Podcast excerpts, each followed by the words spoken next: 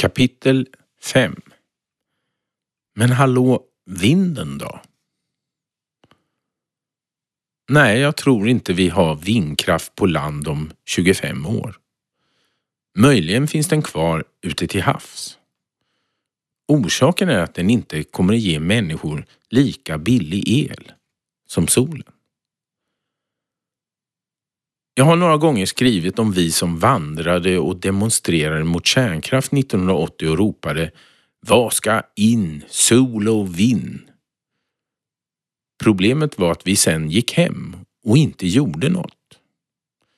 Det här är en liten överdrift. Några av oss gick faktiskt samman och började bygga vindkraftskooperativ i Sverige. Och det var så de första större vindkraftverken kom upp. Utan de här pionjärernas insats hade nog inte den vindkraftsexplosion som vi idag ser kommit i tid. Vindkraft är ungefär lika ren som solel.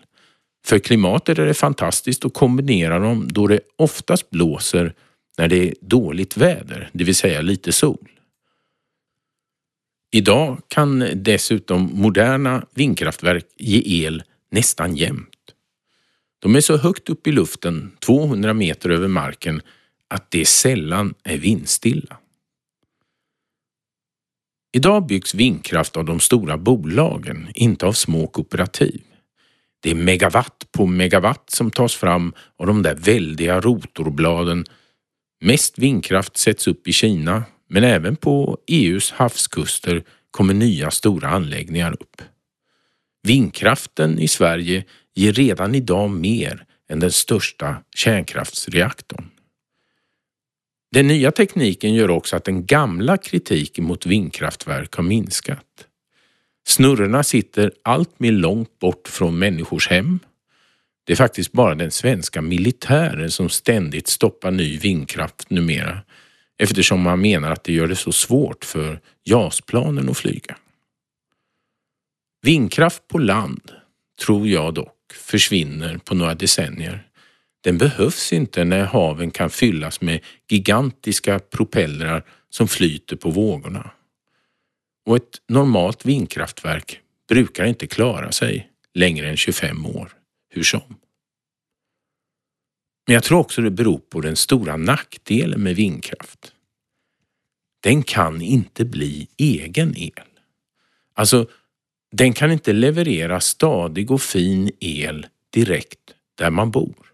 Tro mig, jag har försökt med alla tänkbara små snurror. Ingen fungerar bra. De stora vindkraftverken som behövs för att nå stadig vind passar ju inte i ett villaområde. Och det är ganska enkelt att förstå. Ingen människa vill bo där ett vindkraftverk ger mycket el. Det blåser ju för mycket där. Och det är därför vi bosätter oss i lä så mycket vi kan. Det här gör att vindkraft kommer att vara de stora energibolagens egendom. Det är de som idag satsar och det är de som gör att man ersätter smutsig central elproduktion med ren central elproduktion. Och där finns en svaghet.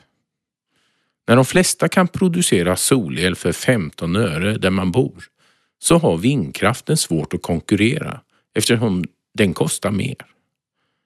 Men den stora nackdelen är att den inte flyttar energimakten bort från de stora jättarna till de många konsumenterna.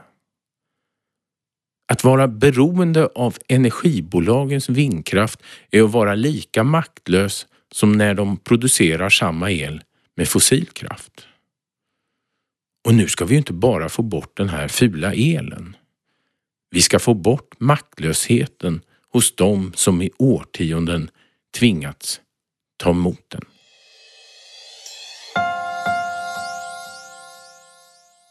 Vad kan du göra? Har du vindkraftsel från ett kooperativ så ska du inte byta bort den. Låt den vara kvar tills verket monteras ner. Men har du tak, kombinera med solceller.